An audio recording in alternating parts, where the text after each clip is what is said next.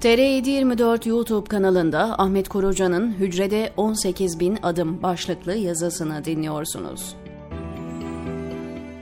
Aziz dostum, sana her gün beş vakit namazın ardından dua ediyorum dersem yalan söylemiş olurum.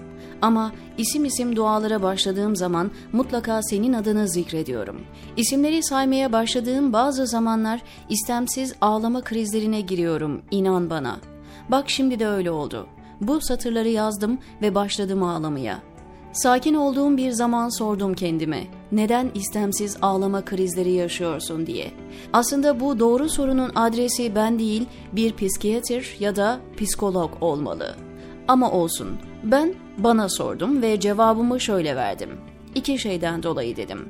İlki, o isimleri zikrettiğim zaman eski hatıralar gözünün önünde tülleniyor. Mesela senin beş evlerde peynir, ekmek, helva, yoğurtla öğle yemeklerini geçiştirdiğimiz günler. Sonra nostalji yaşama düşüncesiyle aynı şeyi yıllar sonra Manhattan'da Central Park'ta yapmamız pizzalarımızı ve içeceklerimizi alıp Garrett Mountain'ın şelaleye bakan tepesinde yediğimiz öğle yemekleri.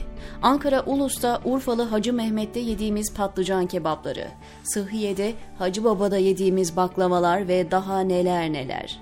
Müminin oğlum sözleriyle başlayan konuşmaları ve tabii ki rahmeti rahmana kavuşan köşe cami imamının nükteli beyanları. İkincisi, senin bana gönderdiğin ilk mektuptaki fiziksel aktivitelerini anlattığın bölüm. Yeme içme konusunda seçici olmadığını biliyorum. Ama buna rağmen o hapishane şartlarında istediğini bulamaman beni derinden derine daidar etti. Belki sen bunu hiç dert etmiyorsun ama ben ediyorum ve senin dert etmemen bana ayrı bir dert oluyor. Haksız yere hiçbir suçun olmadığı halde yıllardan beri dört duvar arasında tek başına yaşaman, hayatının en verimli döneminde eşine, çocuklarına, talebelerine, milletine ve insanlığa çok faydalı olabileceğin bir zaman diliminde en tabii insani ihtiyaçlarını bile karşılayamaman, inan bana keskin bir hançer misali sineme saplanıyor. Mektubunda diyorsun ki bana, Hücremde günde 18 bin adım atıyorum ve şu an itibarıyla tam 20 kilo verdim. 20 kilo zayıflaman bir kenara, küçücük bir hücrede günde 18 bin adım atmak ne demek? Aklım durdu. Hani derler ya beynimin devreleri yandı, sigortaları attı ve iradene olan hayranlığım bir kez daha arttı. Biz şu serbest hayatın içinde spor salonlarından parklardaki yürüme yollarına, spor tesislerindeki yürüme bantlarından hiking alanlarına kadar her türlü imkanımızın olduğu yerde ve zamanda dahi yapmıyoruz bu yürüyüşü. Piyasada yaygın olan genel kabulden hareketle günde 10 bin adım atmalıyız diyoruz ama onu da atmıyoruz. Hücrede 18 bin adım ha aman Allah'ım. Biliyorum şu an seninle hasbihal ediyorum.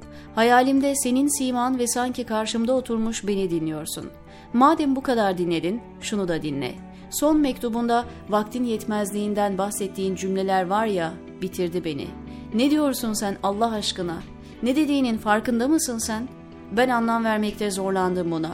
Dört duvar arasında tek başına geçen koca altı yıl ve sen bana vaktim yetmiyor diyorsun. Nasıl oluyor bu?'' Biliyorum, seni tanıdığım ilk günden beri vakti en büyük sermaye bilen bir insandın. Disiplinli bir çalışma temposuna sahiptin.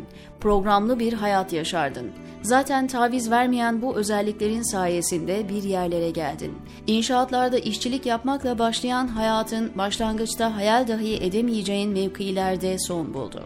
Ne kadar ironik bir söylem değil mi? Hayal dahi edemeyeceğin mevkin.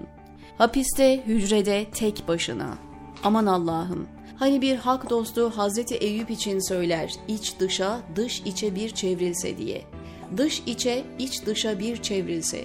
Tamamlayamadım cümlemi ama sen anladın ne demek istediğimi.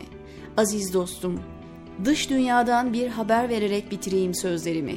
Geçenlerde fakülte yıllarından arkadaşımız Mümin'le görüştüm. Hamdolsun çıktı. Uzun uzadıya konuştuk. Bir insan kendisinden çalınan onca yıla rağmen bu kadar neşeli nasıl olabilir diye düşünmeden kendimi alamadım. Ben onu teselli ve tesliye edeceğim normalde, o beni teselli etti. Bir sır var bu işte diye düşündüm kendi kendime. Anlam veremiyorum hala. Aklıma gelen bir tek şey var. Derdi veren sabır ve tahammül gücünü de veriyor beraberinde. Umulmadık ihsanlara gark ediyor. Sekine var ya hani Kur'an'da anlatılan Bedir Savaşı özelinde sanki o sekine teskin edici manevi bir ilaç gibi sizlerin üzerine yağmur olup sağanak sağanak yağıyor. Ben başka bir izahını bulamıyorum. Hamd ediyorum tabii ki Rabbime ama ama bu geçici oluyor. Hükmünü benim vicdanımda da aklımda da bir iki saat icra edebiliyor. Ardından başladığım yere geri dönüyorum. Neden, niçin, nasıl soruları beynimi yeniden kemirmeye başlıyor ve senin ve senin gibi binlerce insanın düçar olduğu hal beni benden alıyor. Çaresizlik, tükenmişlik sendromlarını da buna ilave edersen ölüm yolda bulunmuş bir inci gibi gözüme gözüküyor. Ama o da gelmiyor.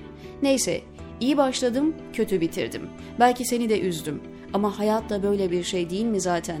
Üstadın dediği gibi, şu dünya çok gaddardır, mekkardır. Bir lezzet verse bin elem takar, çektirir. Bir üzüm yedirse yüz tokat vurur. Ama reçetesi de var. İşte o reçeteyle bitireyim sözlerimi. Ey zevk ve lezzete müptela insan!